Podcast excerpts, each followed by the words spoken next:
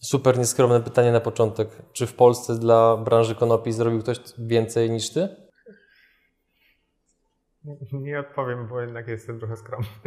Dobra, to teraz poprosimy o przedstawienie się naszym widzom. Mm, Maciej Kowalski. Mm, już dalej. E, osoba, która się zajmuje konopiami od 15 lat w każdym wymiarze. Mm, założyciel e, jednej z największych firm, największej polskiej firmy konopnej, e, a teraz założyciel kolejnej. Aktywista były aktywista i chyba przyszły aktywista, bo właśnie jestem w drodze na spotkanie z, z kolegami z byłego frontu, że tak powiem. Obserwator tego wszystkiego, co się na rynku konopnym dzieje i gorący kibic tego, żeby tego się działo jak najwięcej, pod warunkiem, że to się dzieje w sposób odpowiedzialny i sposób sensowny.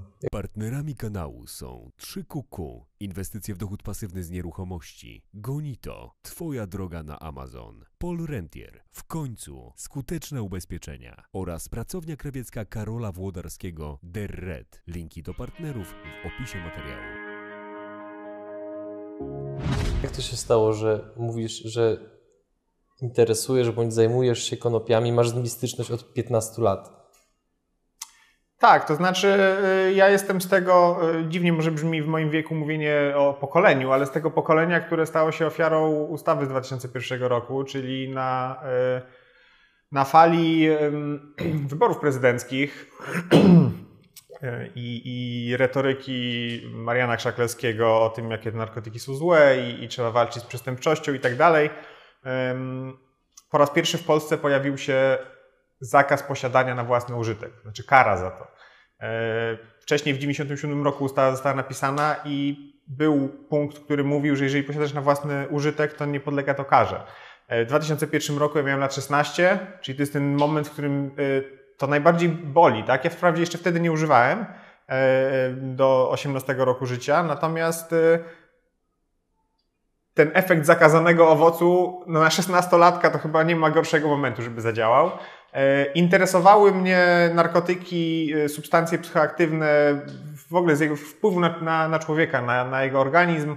E, ta, ta hipokryzja, że te narkotyki są dobre, te narkotyki są złe, tak? Jedne podajemy gościom na dyplomatycznych kolacjach, a za inne wtrącamy do więzienia.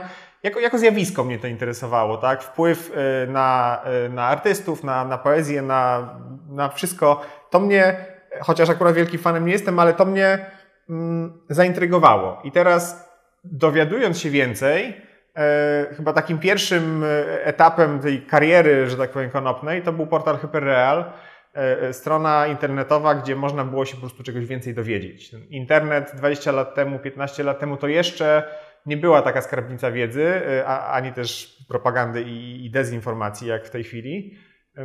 I tam zacząłem najpierw być wiernym czytelnikiem, a później współtwórcą tego, tegoż portalu. E, no i w ten sposób gdzieś ta przygoda się powiedzmy rozpoczęła. Później była e, Gazeta Konopna Spliff, to jest rok 2005-2006, kiedy jako twórca treści do portalu Hyperreal i aktywista w, stowarzyszeniu, które wówczas się nazywało Kanaba, a w tej chwili przemianowane na Wolne Konopie, mm, z kilkorgiem znajomych doszliśmy do, do takiego wniosku, żeby zacząć wydawać gazetę. E, to był zaprzyjaźniony Niemiec polskiego pochodzenia, który wydaje taką gazetę w Niemczech. No i stwierdził, że jest dojrzałość tego rynku, żeby to zacząć wydawać w Polsce. E, rok 2006, czyli 13 lat temu i gazeta rzeczywiście się ukazała. Była ze względów prawnych mm, periodykiem wydawanym dla polskojęzycznych obywateli Niemiec z którego 99% nakładu szło akurat do Polski. Natomiast w pierwszych tygodniach mieliśmy kilkanaście zawiadomień na prokuraturę o podejrzeniu popełnienia przestępstwa, a głównie od um, zaniepokojonych rodziców bądź babć um, czytelników. Um, bardzo ciekawe, bardzo ciekawe czasy, ciekawe doświadczenie i taki pierwszy zalążek tej przedsiębiorczości, której absolutnie we mnie e, w tamtych latach nie było, czyli żeby nie pisać tylko o jaraniu jointów w tej gazecie, no to pisaliśmy i o medycznym wykorzystaniu, i o przemysłowym wykorzystaniu, rzeczy, które nawet dla nas otwierały trochę oczy, bo tak to jednak było marihuana, konopie, jedno i to samo i, i tylko i wyłącznie po prostu używka rekreacyjna. A później się okazuje, no halo, ale może też leczyć, może też pomagać e, przemysłowo. Sami na początku nie byliśmy przekonani, czy to jest taki tam naginanie, czy to jest prawda. Natomiast dzieliliśmy się tą wiedzą y, publicznie i okazało się, że to jest wszystko prawda. Y, mnie to w pewnym sensie zaskoczyło, natomiast y, jak zaczęliśmy o tym powszechnie mówić, tak, wtedy internet stał się już też jakimś takim poważniejszym kanałem docierania do, do ludzi. No pojawiły się, pojawiła się pierwsza kampania do Parlamentu, najpierw do Parlamentu Krajowego, później Europejskiego, w których brałem udział, też z tym samym jednym hasłem, tak naprawdę, zalegalizować marihuanę. E, i z wszystkim, co za tym idzie. Czyli jeżeli w 2011 roku, startując do Sejmu, chodziłem po wioseczkach e, pod Gdańskiem i mówiłem, e, legalna marihuana to są miejsca pracy, to są podatki, no to albo śmiech, albo czosnek, krzyż i tak dalej. To było absolutnie niewiarygodne dla ludzi. Natomiast, y, no i później w kampanii do Parlamentu Europejskiego 5 lat temu dokładnie ten sam przekaz. Już troszkę łatwiej było się przebić do mainstreamu z tym hasłem, ale dalej to był koloryt, egzotyka i tak dalej.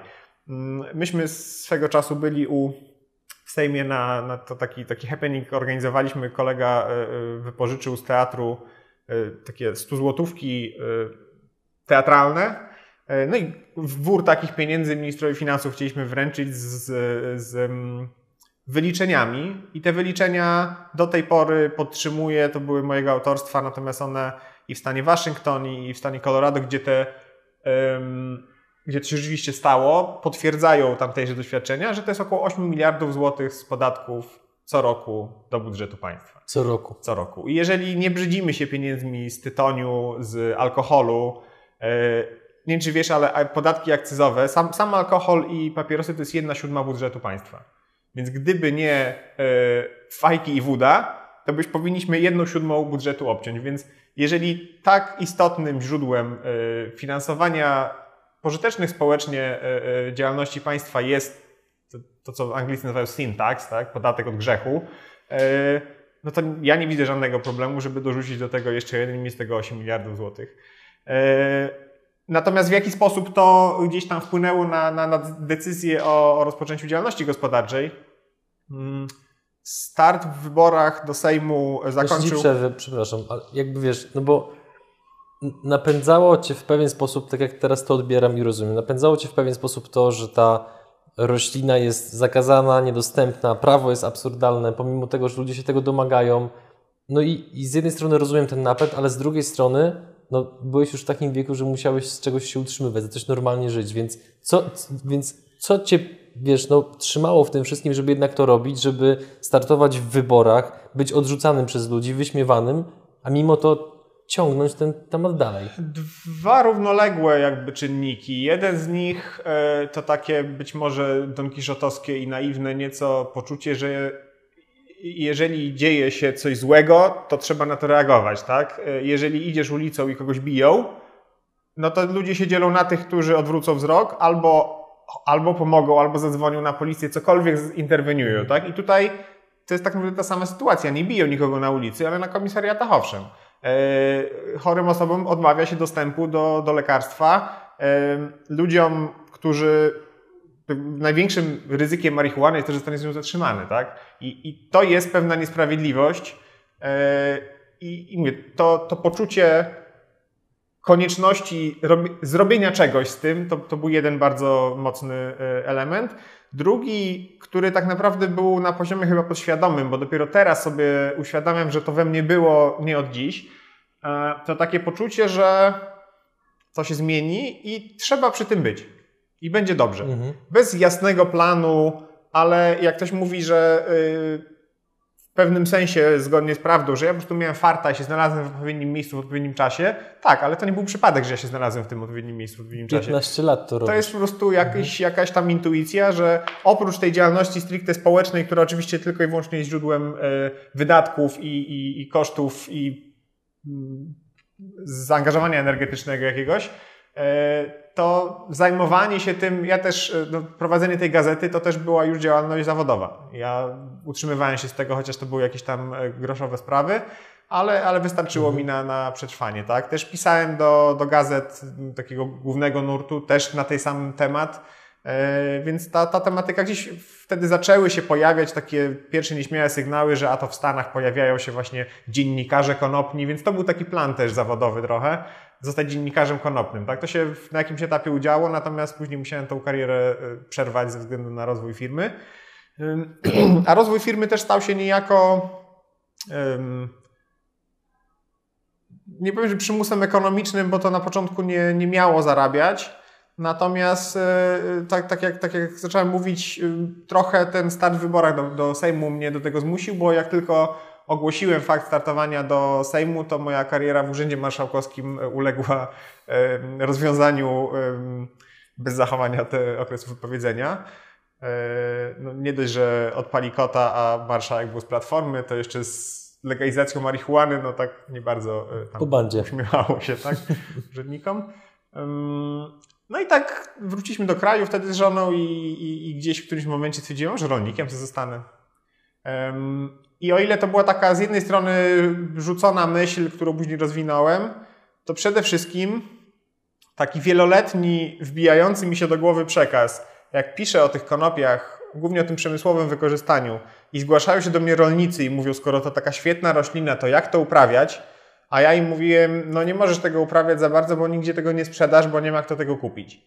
A później przychodzą do mnie przemysłowcy i mówią, jak taka roślina świetna, y, surowie, to skąd go wziąć? Mówię, no niestety nie macie skąd go wziąć, bo nie ma rolników. Aż się prosi. Aż się prosi, tak? E, I na początku y, koncepcja była taka, żeby zrobić to w charakterze takim NGO-sowo-spółdzielnianym, skontaktować tych ludzi i dalej gdzieś tam w głowie mieć to, będę o tym pisać, tak? Będę, e, e, będę trzymał rękę na pulsie dzięki temu. Mm.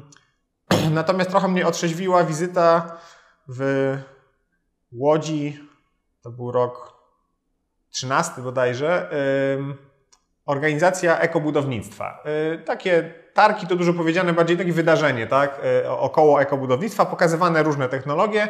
Myśmy z e, kolegą, którym zakładaliśmy Splifa, pojechali budować taką ściankę pokazową, tak jak można sobie zrobić garaż, budynek gospodarczy i tak dalej.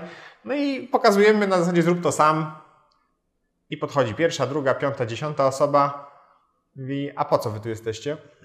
No i my z tą euforią niemalże młodzieńczą e, mówimy, że e, pokazać, bo, bo taka ukryta technologia trochę, nie mówi się o tym. No dobra, dobra, ale co wy z tego macie? I tak na początku tego pytania trochę nie zrozumiałem. Jak ono się 10 razy pojawiło, to dotarło do mnie, że ludzie nie chcieli, żeby im to dać za darmo. Oni chcieli to nas kupić. Mówimy, ale my tego nie produkujemy, nie sprzedajemy. A to to musi być jakieś badziewie. Jakby to było dobre, to byście to robili. Czyli to było to podejrzane. Tak, to podejrzane. Jak ktoś chce mi coś powiedzieć, że mogę sobie sam zrobić i w ogóle za darmo, to, to nie. No to Przecież na pewno i, i ten najgłupszy argument świata, gdyby to miało sens, to ktoś by to robił.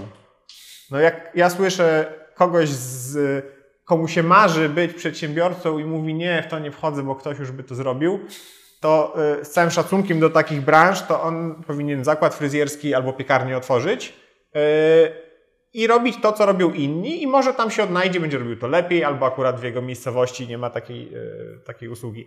Natomiast no, branż, które są w jakiś sposób przełomowe czy innowacyjne, no, z nastawieniem ktoś by już to robił, to, to raczej się nie da.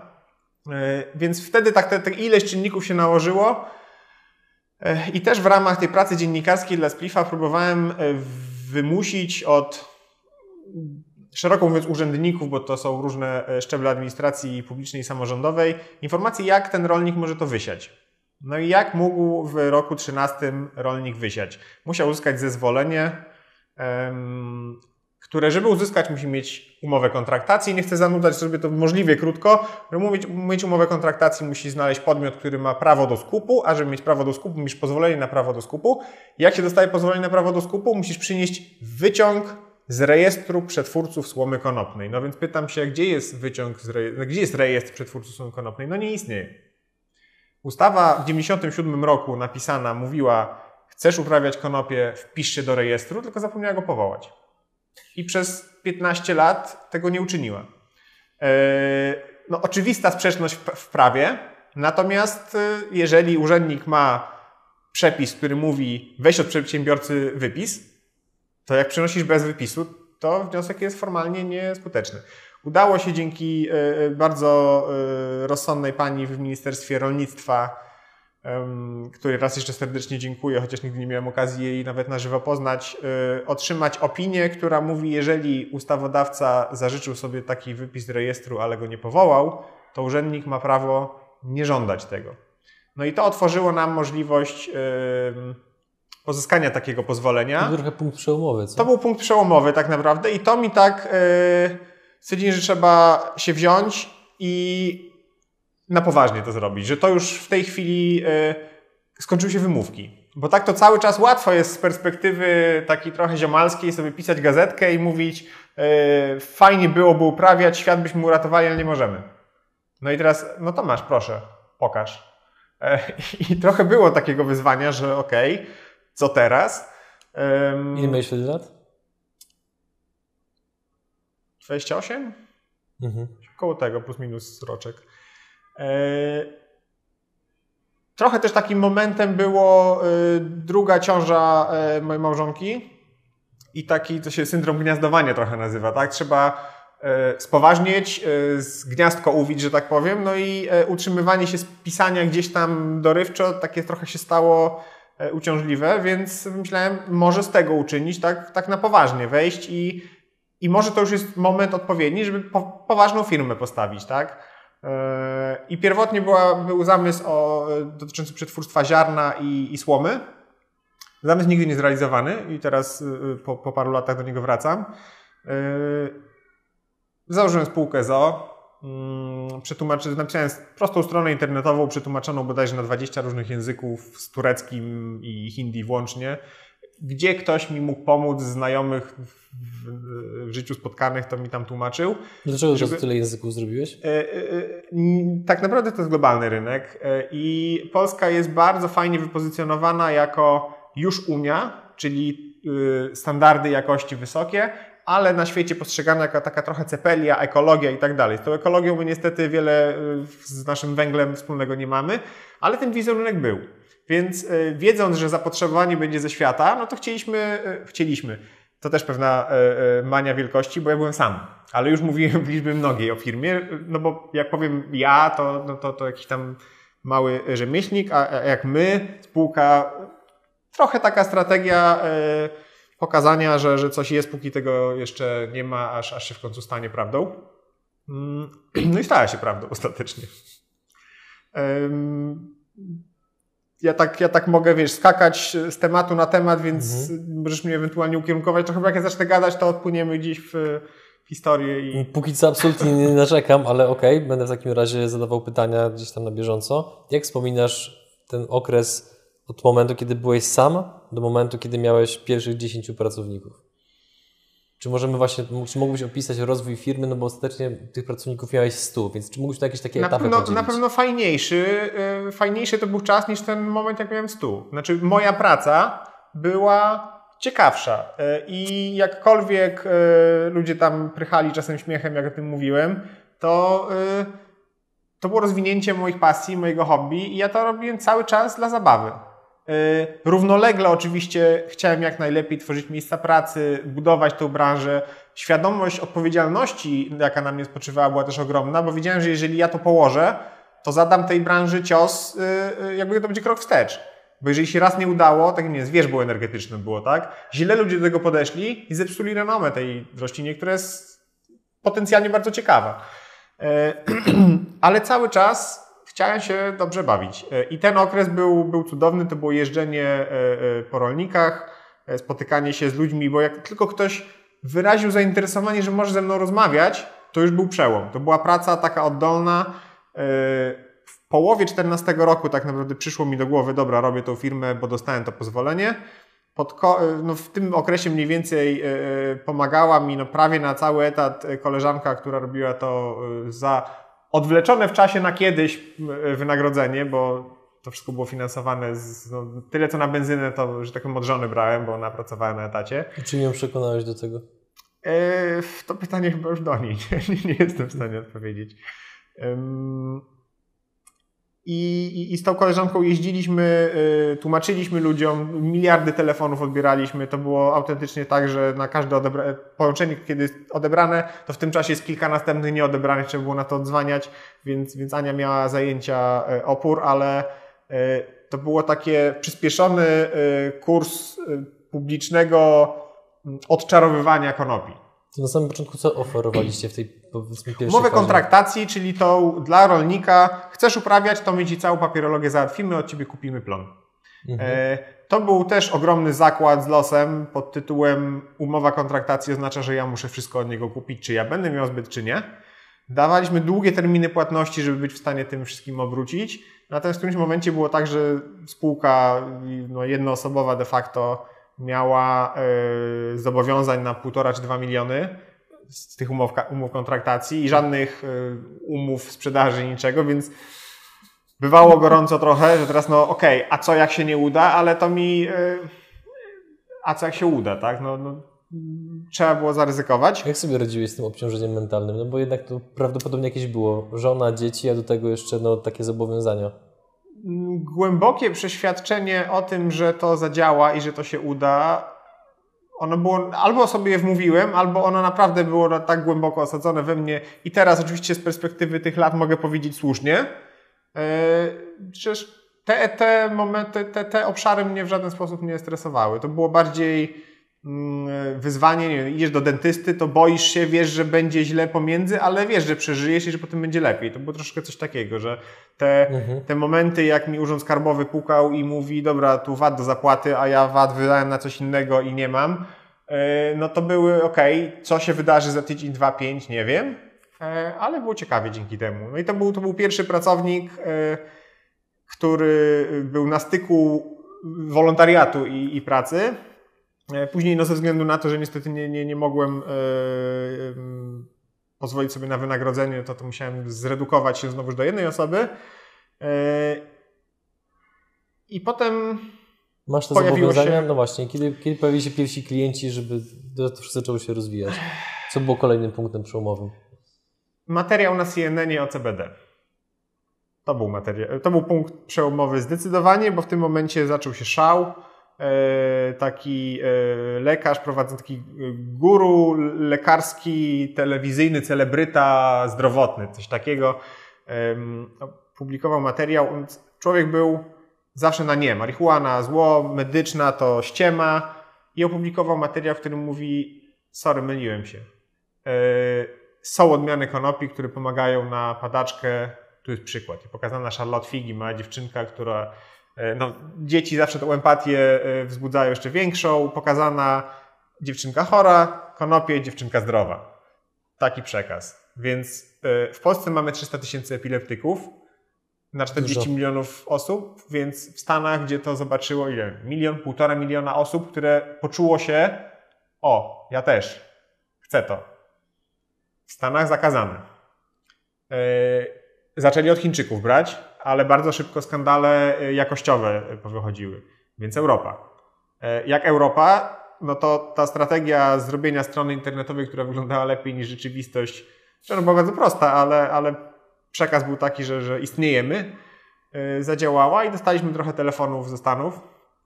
Macie CBD? No więc yy, ja na to pewnie. Mamy. Nie ma sprawy. Ile pan chce? Yy, no, po paru takich telefonach zapytałem żony, co to jest. Yy, akurat, tak jak mówiłem, zbiegło się to w czasie z yy, urlopem macierzyńskim, bo w, w zakładzie, gdzie żona pracowała, warunki nie pozwalały na, na pracę w, w okresie ciąży, więc ona siedziała w domu. Jest, to jest też bardzo istotne yy, ogniwo całego przedsięwzięcia. Moja żona jest chemikiem analitykiem, doktorem chemii analitycznej z doświadczeniem z Komisji Europejskiej i zakładów farmaceutycznych, więc jakby jest e, tym, e, tą wiedzą na temat innym niż konopie, to, to ona była zapleczem. Kluczowym aktywem tego całego Zasadniczo tak, bo, bo, bo ja przyszedłem się jej zapytać, no, damy radę to zrobić i ona zgłębiła się w literaturze i mówi, no nie, nie damy rady, bo to trzeba było mieć dużo pieniędzy. No to okej, ale jak będziemy mieć dużo pieniędzy, to będziemy mieć jeszcze więcej pieniędzy? Tak. No więc ja się zobowiązałem, że znajdę pieniądze na zakup po prostu, no, na rozwinięcie firmy, tak? Bo to już nie była kwestia, tak jak pierwotnie plan Hempoland był wziąć od rolników ziarno, wysłać je do kogoś tam, po prostu, tak jak mówię, połączyć te, te Mhm. dwie strony, tak? I wziąć tam prowizję sobie od Taki trochę marketplace. Trochę coś takiego, tak? Taki, taki hub jakiś łączący ludzi. Natomiast e, tutaj już było zakład produkcyjny, technologia, maszyny, wszystko. Ile pieniędzy było potrzebne, żeby to... to Mniej niż się niektórym wydaje, znaczy, i, i, a więcej niż mi się wydawało. E, Pierwotny plan był taki pozyskać pół miliona złotych, skończyło się na półtora miliona przed pierwszymi przychodami. E, No i szukałem po krewnych i znajomych królika, po pro- profesjonalnych inwestorach. Przy tym nie spławiali, bo to przecież gdzie tam narkotyki będą wchodzić i to jeszcze jakiś chłystek z wolnych konopi do nich przychodzi, nie wiadomo co. Mm, Ostatecznie udało się e, namówić e, dwóch kolegów z liceum, przepraszam, ze studiów, e, którzy, jako że to było mniej więcej 10 lat po czasie programowym, zak- czasie zakończenia studiów, to oni poszli do pracy, mieli normalne wynagrodzenia, więc te pieniądze, później się jeszcze trzeci znalazł, podzielony na trzy, te pół miliona to już nie był taki straszny wydatek dla osoby, która dobrze zarabia. e, W, udało się zebrać te, te pierwsze pieniądze. Yy, I, I potem tak naprawdę to już właściwie jak, jak, w pewnym sensie jak spłatka. Oczywiście teraz mogę tak powiedzieć, bo co tydzień były jakieś wyzwania. Natomiast e, no, kupiliśmy maszynę, wyprodukowaliśmy produkt, produkt został przyjęty e, z rewelacyjnymi opiniami, więc kupiliśmy większą maszynę, zaczęliśmy ich zaopatrywać, kupiliśmy następną maszynę i to, to e, jakby te lata się nagle skróciły, tak? Więc ten moment tych 10 pracowników to jeszcze jest okres bezprzychodowy, bo taki, taki też fajny moment, że każdy jest od wszystkiego, czyli ludzi nie zatrudniają na stanowisko, ty jesteś od tego, tylko robisz to razem ze mną.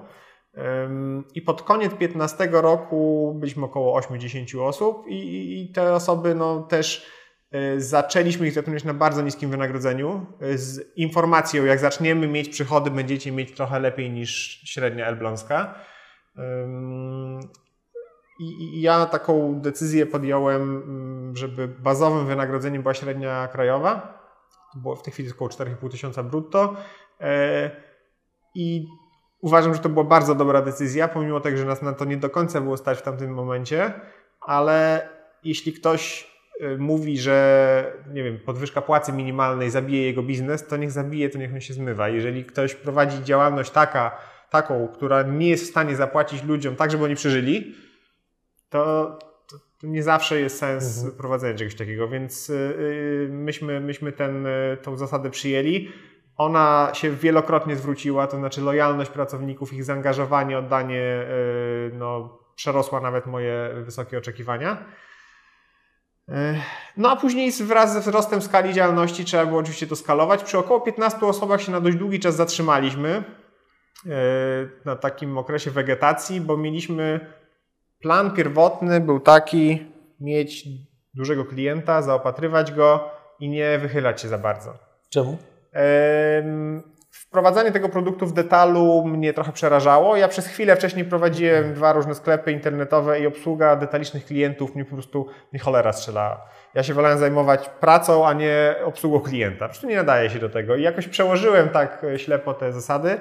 E, No i, i ludziom też powtarzam, nie wchodzimy w detal, nie wchodzimy w detal, nie wchodzimy w detal, aż w końcu w kwietniu 16 przed tym mówimy, wchodzimy w detal. E, Parę czynników się na to złożyło. Raz ten klient nie odbierał takich ilości, jakie chcieliśmy, więc tak ten nasz rozwój, e, zapasy rosły e, gotowego produktu, a sprzedaż niekoniecznie.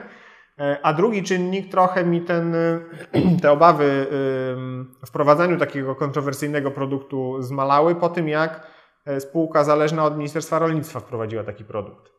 Więc miałem no, perfekcyjne alibi, że teraz mi nikt nie zarzuci, że to jest produkt, który jest e, e, niedobry, bo państwo go samo wprowadza jedną ręką, więc to nas tak od, odważyło trochę. No i wtedy w kwietniu 16 roku zadebiutowała marka Cannabigold.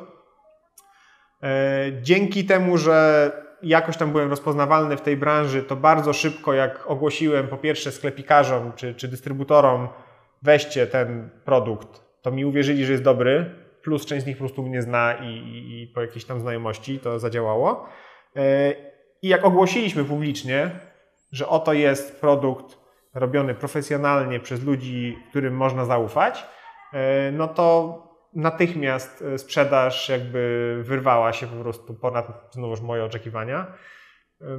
I wtedy nastąpił ten moment znowu przyrostu pracowników i tak naprawdę z roku na rok było razy dwa, jeśli chodzi o pracowników i razy dwa i pół, jeśli chodzi o przychody. Czyli w tym momencie taką dźwignią okazała się ta wiarygodność, którą budowałeś w sumie jako dziennikarz swego czasu. Tak, więc po części to jest skapitalizowanie tych lat y, jakiejś, jakiejś tam działalności, tak? Więc y, z jednej strony pod kątem y, y, widzów rzecz trudna trochę do powtórzenia, tak? bo to nie jest porada, którą można wynieść i y, implementować na drugi dzień.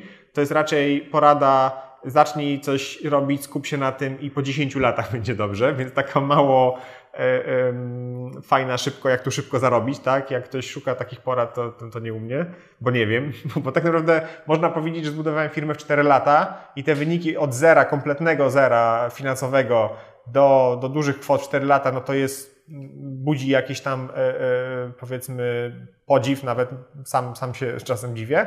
Ale jak to policzyć od 2002 roku, kiedy się tym interesuję, czy trzeciego, no to już aż takie te stopy zwrotu, nazwijmy to, nie są. Tak? Mhm. Dochodzicie do poziomu 100 pracowników i co się dalej dzieje?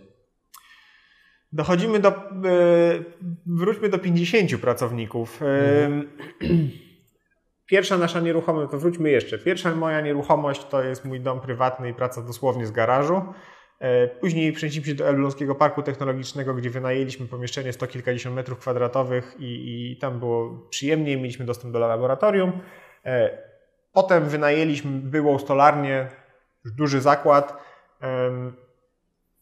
ale jak chcieliśmy wejść na wyższy poziom profesjonalizmu, zacząć wprowadzać e, jakieś standardy jakości nawet wyższe niż od nas wymagane, to potrzebny był nowy zakład. Dlaczego? Dlaczego te wyższe standardy chcieliście wprowadzać? E, Celowanie, troszeczkę było to też jakiś taki spaczenie nas, bo, bo część osób chodzi z branży farmaceutycznej, więc chciała, żeby było tak jak w farmacji. Po drugie, klienci o to pytali. Tak jak, nie wiem, żywność dziecięca, na przykład słoiczki mają informacje, jedna z firm mówi, przewyższamy standardy o rząd wielkości mimo że nie wymaga się od nich, to jest to po prostu marketingowo mocny mhm. sygnał, więc pod tym kątem też chcieliśmy. E, no i chcieliśmy też wchodzić w kolejne branże. Kosmetyki na przykład paradoksalnie mają wyższe wymagania niż żywność, więc e, chcieliśmy móc powiedzieć, że to jest wszystko robione w standardach GMP, które w tamtym obiekcie, który nie był mój, tylko był wynajmowany, e, ciężko byłoby wdrożyć, bo to byłyby duże nakłady finansowe, które by się no, w wynajmowanym obiekcie tego nie robi, a nie było możliwości go zakupu. I, I dlaczego do tego momentu wracam? Bo mm, to był moment, kiedy mieliśmy 49 pracowników i kupowałem tą halę od y, człowieka, który, no nie wiem ile, ale bardzo, bardzo dużo ludzi zatrudnia. Jeden z tam y, z bardziej zasłużonych elbląskich y, przedsiębiorców. Kilkanaście firm bodajże prowadzi. Y, no i pan tak w wieku bardziej mojego ojca i mówi mi, a ja panu zazdroszczę tego momentu, jak mam 50, 50 pracowników, bo to jest ostatni moment, kiedy pan zna swoich ludzi. I ja go tak trochę zbyłem wtedy. Natomiast miał w 100% rację. To był ostatni moment, kiedy ja e, wiedziałem, co się w firmie dzieje w 100% w każdym zakamarku, e, kiedy miałem pełne zaufanie do wszystkich swoich ludzi. E, I przekroczenie tych 50 osób było momentem rozpoczęcia utraty kontroli po części nad, nad tym organizmem. To, co mówiłem, jak się przygotowywaliśmy do rozmowy, ja bardziej czuję się osobą, która potrafi coś z niczego stworzyć, trochę ala Adam Słodowy, doprowadzić do jakiegoś etapu, ale później prowadzić to na bieżąco, to są inne kompetencje, których ja niekoniecznie posiadam.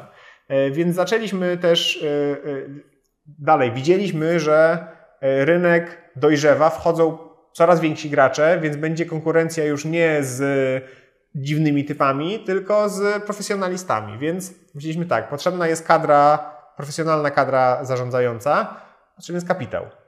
E, mój wspólnik był maklerem giełdowym, ja e, hobbystycznym inwestorem od jeszcze dłużej niż konopie. Więc pierwsza myśl GPW.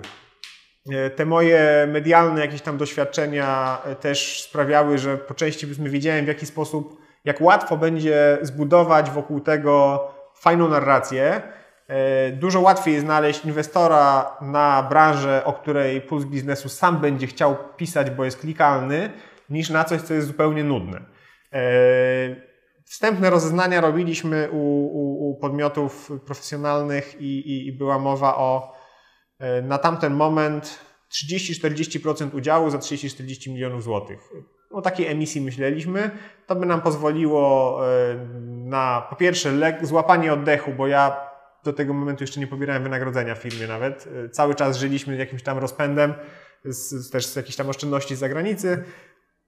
I, I, była sytuacja, kiedy ja nie miałem kilkuset złotych, znaczy musiałem oszczędzać tak, żeby dziecku dywan do pokoju kupić, a w spółce parę milionów miesięcznie przerzucaliśmy z lewa w prawo, więc to, to już też taka jest trochę nauczka, że może trochę za późno zacząłem korzystać z tego tak naprawdę, ale no, może nie. W każdym razie widuje się ludzi, którzy za wcześnie korzystają i to jest ewidentne, ale jest też drugie, drugie oblicze tego, tego zjawiska. Jak, jak to wyważyć? Nie mam pojęcia, ale nie za późno. Nie, nie za wcześnie, nie za późno. E, spotkałem też kiedyś człowieka, który 20 lat prowadził prężnie działający interes, cały czas nic z tego sobie nie wypłacał, w końcu mu to wzięło, zbankrutowało, zostało mu wspomnienie, no nic z tego nie ma. I tak e, trochę żal. Więc stwierdziliśmy tak, w jakim stopniu się y, skeszować, ale minimalnym, żeby spłacić swoje jakieś zobowiązania, mieć na życie, nie przejmować się tym, czy mamy do, od pierwszego do pierwszego, e, a większość pieniędzy wrzucić Żeby głowa była wolna. Tak, dokładnie, żeby się móc, to, tak. to jest tak naprawdę korzyść, korzyść dla spółki. No i ta koncepcja y, wejścia na giełdę zaczęła nam po głowie chodzić, ale równolegle chodzić po głowie to za mało powiedziane. Przygotowywaliśmy się do tego już. Wykupiliśmy y, wspólników, którzy wcześniej byli, jakąś konsolidację przygotowywaliśmy, czyściliśmy księgi, bo był trochę bałagan, bo trzy różne spółki miałem. Mhm. E, żeby to wyglądało jak najlepiej, to źle brzmi wyglądało jak najlepiej. Wyglądało tak, jak jest w rzeczywistości. Bo, Dlaczego bo... wykupiliście wspólników? E, taki był zamysł od początku, to znaczy ja e, wierząc w swój interes bardziej niż e, jakikolwiek inwestor nalegałem na opcję wykupu dla mnie, no i z nich skorzystałem. Okay. W przypadku dwóch osób z racji na dobrą współpracę, wówczas dobrą, mm, zdecydowałem się na konwersję na normalne udziały, więc skończyliśmy z strukturą taką, że po prostu nie ma żadnych opcji wykupu, żadnych pożyczek, niczego są udziałowcy, ja miałem 83% spółki, mhm. pozostali udziałowcy, y, pozostała część, y, plus jedna osoba, w, y, która dostała niewielki udział w ramach premii pracowniczej, żeby też wysłać taki sygnał do pozostałych pracowników, dostrzegamy starania i, mhm. i, i, i warto z nami pracować. I taka struktura była gotowa na sprzedaż tak naprawdę. Przy czym ja o sprzedaży spółki absolutnie nigdy nie myślałem. Ja tam chciałem siedzieć do emerytury. Pojawili się potencjalni inwestorzy, znaczy oni się pojawiali co chwilę, natomiast ja ich wszystkich zazwyczaj spawiałem, bo to byli inwestorzy finansowi, z którymi ja się po prostu nie mogłem dogadać, plus ich wyceny były według mnie za niskie. No i później się okazało, że rzeczywiście były za niskie. W końcu pojawił się inwestor e, branżowy z Kanady, który przekonał mnie do siebie. E, przekonał mnie tym, że zajmują się tylko konopiami, a nie jest to fundusz inwestycyjny, który się zajmuje węglem i, i konopiami. E, przekonali mnie takim e, podejściem: robisz fajne rzeczy, rób tego więcej. My jesteśmy w branży nowi. E, miało to ręce i nogi, było to racjonalną, logicznie, wewnętrznie spójną całością. Kanadyjski legislator świetne przepisy napisał, chociaż mają wady, y, które do lekkiej oligopolizacji y, prowadzą i, i, tak naprawdę użytkownik niekoniecznie jest w tak dobrej sytuacji, jak być powinien. Natomiast no, dla branży rewelacyjne przepisy, więc tamtejsza giełda zasiliła tego typu spółek kilkanaście czy kilkadziesiąt ogromnymi pieniędzmi y, i Logicznym krokiem w przypadku tego typu podmiotów była akwizycja zamiast organicznego rozwoju, bo skoro mogą sobie na to pozwolić, to mogą zapłacić za, za lata czyjejś pracy wstecz i, w ten sposób y, przyspieszyć tempo rozwoju. No więc z rozmów o, ym, o inwestycji, o takiej, jakiej myśleliśmy, bo przekładaliśmy to sobie, no, albo możemy wejść na giełdę, albo mieć inwestora jednego, a nie y, rozproszonych i zająć się swoją działalnością, a nie prospektem emisyjnym, no bo to jak wiesz, pół roku co najmniej kupa roboty. i kilkaset tysięcy złotych, kupa roboty, która absolutnie nie jest czymś, o czym marzyłem, że o, będę się zajmować teraz rozmowami z bankierami inwestycyjnymi. przekształciła się ta rozmowa w dyskusję o zakupie spółki. Ja tego wprawdzie nigdy nie traktowałem tak wprost jako decyzja o sprzedaży spółki, bo jak sprzedajesz samochód, to sprzedajesz go i to jest twój samochód, nie mój samochód, tak? A ja, czy nie ja, myśmy te rozmowy prowadzili w tonie takim, owszem, sprzedaję spółkę, E, ale będziemy ją dalej prowadzić tak samo, tylko w większym zakresie i e, w dużej mierze, tak jak widziałeś w mm, ogłoszeniu, które poszło w komunikatem publicznym, była to też transakcja wiązana, to znaczy część płatności mhm. znaczna miała mieć miejsce w udziałach tej spółki matki. Więc właściwie stali, mieliśmy się stać polskim, europejskim oddziałem kanadyjskiego dużego gracza szczegółach nie mogę o tej sytuacji opowiadać, bo skończyła się, no ty wiesz, czy widzowie mogą nie wiedzieć, e, skończyła się tym, że dwa miesiące po podpisaniu dokumentów e, zostałem odwołany z funkcji prezesa zarządu. Decyzja ta została mi zakomunikowana przez pośredników. E, osób, które podjęły decyzję do tej pory już nigdy nie zobaczyłem, nie usłyszałem, nie wiem dlaczego tak się wydarzyło. Więc z dnia na dzień zostałem e, w pewnym sensie bez pracy, można powiedzieć, tak? No, część środków e, z tej transakcji została mi przekazana, więc pozwala mi na to, żeby te rzeczy, o których zacząłem, co było pierwotnym pomysłem Hempoland, ale nigdy nie trafiło do, do planów, takich już do realizacji, yy, to te rzeczy teraz po prostu chcemy robić w ramach spółki, która się nazywa Kombinat Konopny. Ja co ciekawe, też trochę na zasadzie przypadku, bardzo dużo rzeczy w mojej firmie się działo na zasadzie przypadku. Znowuż e, przerośliśmy tamtą nieruchomość, tak co półtora, dwa lata musieliśmy kupować nową nieruchomość, bo z niej wyrastaliśmy. E, I pojawiła się możliwość zakupu fajnych działek inwestycyjnych pod Elblągiem na terenie byłego kombinatu ogrodniczego. No były PGR tak naprawdę. E, tam parę hektarów terenu inwestycyjnego, który był nam potrzebny. I ja przywykłem do takiego działania w firmie, że jak podejmuję decyzję, jednoosobowy zarząd, 80% udziałowiec, partia to ja, tak? Mówiłem, realizowałem, na drugi dzień można było robić przelew i to ułatwiało transakcje, czy z rolnikami, czy, czy właśnie zakup nieruchomości, ok, to idę i kupuję.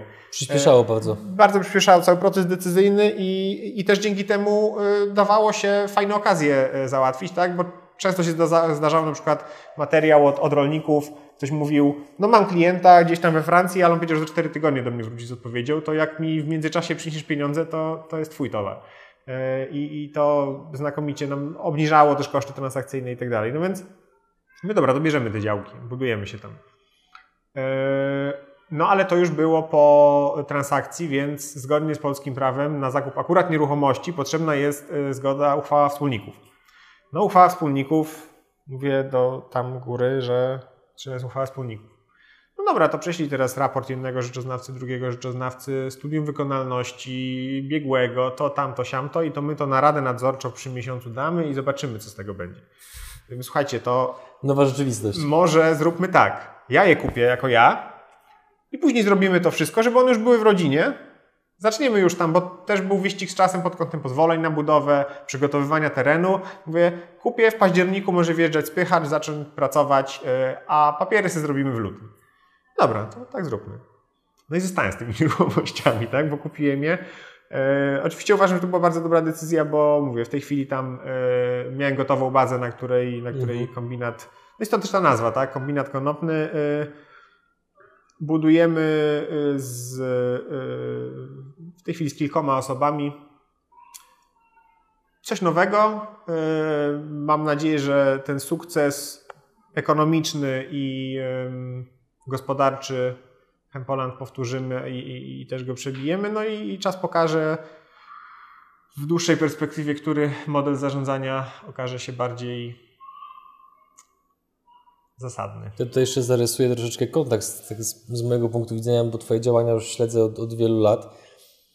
Jak padła informacja o tym, to o tym zakładam, że nie możesz powiedzieć, ale ja, ja chyba mogę, a jeżeli nie, to się najwyżej wytnie jak padła informacja o tym, że przez 4 lata rozwijania Hempoland sprzedajecie firmę, oczywiście tam była różna struktura, część była w gotówce, część było w akcjach, ale sprzedajecie za 100 milionów złotych, to ja mówię, kurczę, no takie informacje chcecie czytać, że polskie firmy robią takie rzeczy i są tak postrzegane na świecie.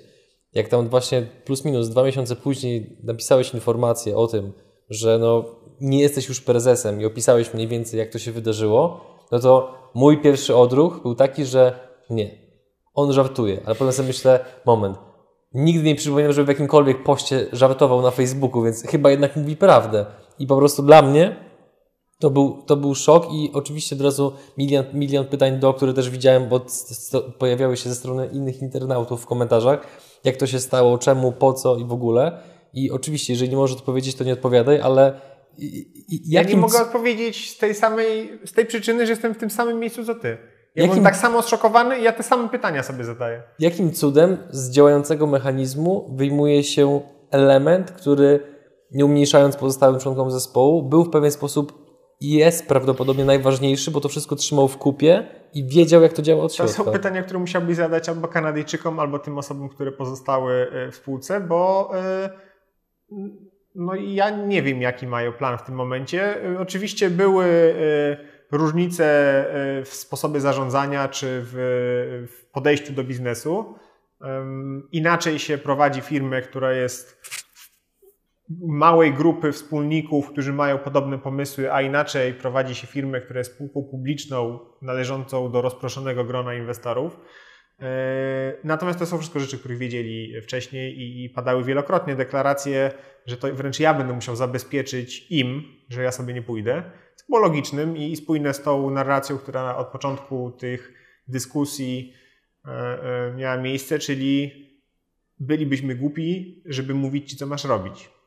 E, no taka dość popularna filozofia przy zatrudnianiu też ludzi, tak? Ja się też tym kierowałem. Jak zatrudniałem ludzi, to jeżeli oni mieli pomysł, to się im nie wtrącałem. Masz, zrób sobie miejsce pracy. I ja ci się nie będę wtrącać. I zakładałem, że będzie tak samo w tej sytuacji. No okazało się, że to tylko był chyba teatrzyk. Mhm. Pewnie łatwo mnie rozgryźć w tym zakresie, że to w ten sposób trzeba mnie było podejść. Więc dlaczego taka decyzja ja tego nie rozumiem. E, może jakiś wielki plan za tym stoi, może ta transakcja miała jakieś e, inne cele niż włączyć do rodziny dobrze działające przedsiębiorstwo, może to były jakieś czynniki personalne. Nie wiem, naprawdę nie wiem. To nie mhm. jest kwestia tego, czy mogę, czy nie mogę powiedzieć, natomiast ja po prostu nie znam odpowiedzi na to. Jak się czułeś w momencie, kiedy dowiedziałeś się o tym, że no właśnie zostałeś odwołany z funkcji prezesa? No, y, wracając trochę do Twojego wcześniejszego pytania, jak sobie radziłem z tymi nerwami, znaczy z potencjalnymi nerwami, z tymi niepewnością i tak dalej, to ja przez zawsze byłem szalenie spokojną osobą, o ile to nie jest oksymoron jakiś. E, ale generalnie mnie szczególnie nic nie przejmowało e, do, do tego stopnia, że zdarzało mi się usłyszeć, że e, jestem beztroski, tak? W negatywnym tego słowa znaczeniu. Ale tak, byłem zasadniczo bardzo beztroską osobą, no do tej pory chyba jestem. Więc ja też nie miałem psychicznego przygotowania do radzenia sobie z taką sytuacją i no, do tej pory uważam, że to było najcięższe psychiczne przejście w krótkim mym żywocie. E, no i do tej pory sobie z tą sytuacją też nie, nie do końca radzę, bo a licho, że mnie ze spółki wrzucili, tak? Bo to jakby ja teraz mam fajniejszą pracę. Mm, bez dwóch zdań. Natomiast yy, złożyłem obietnice ludziom, których nie dotrzymałem. Nie dotrzymałem ich nie z własnego wyboru, nie oszukałem tych osób, ale jeżeli, yy, to może takie patetyczne i na wyrost porównanie, ale jeżeli generał prowadzi wojsko do, do jakiegoś starcia i przegrywa, to wiadomo, że nie z własnej woli, ale zawiódł. I ja w tym momencie zawiodłem po prostu ludzi, którzy, których zatrudniłem w firmie, którym obiecałem, że, e, że będzie dobrze. I, I oni mi zaufali. No i niestety to zaufanie zawiodłem, i to jest coś, co dla mnie ja jestem e, ostatnio słyszałem staromodny w tym, w tym sensie, że słowo w biznesie jest, znaczy w ogóle w życiu jest święte. I teraz, jeżeli ja otrzymałem zapewnienia, będę przynajmniej 3 lata w zarządzie, to ja przekazałem te same zapewnienia załodze, nic się nie zmieni. Jak e, pierwszy komunikat poszedł do pracowników, będzie przejęcie spółki przez zachodni podmiot, to niezrozumiałe dla mnie wtedy poruszenie. Dopiero co w Elblągu akurat y, y, były kwestie przejęcia jakichś tam y, odlewni, a tu GE, a tu Koreańczycy. Zawsze te historie kończyły się zwolnieniami. Więc pierwsza myśl większości osób, zresztą każdy gdzieś nas ma w rodzinie, tak czy po przekształceniach lat 90., prywatyzacja przejęcia przez Zachód równa się źle. E, takie, takie, takie myślenie funkcjonowało, tak? I ja chciałem pokazać, że nie, że nieprawda. No nie udało mi się pokazać, że nieprawda. Niestety y, wyszło tak, jak wyszło. Więc to jest taki największy y, cios.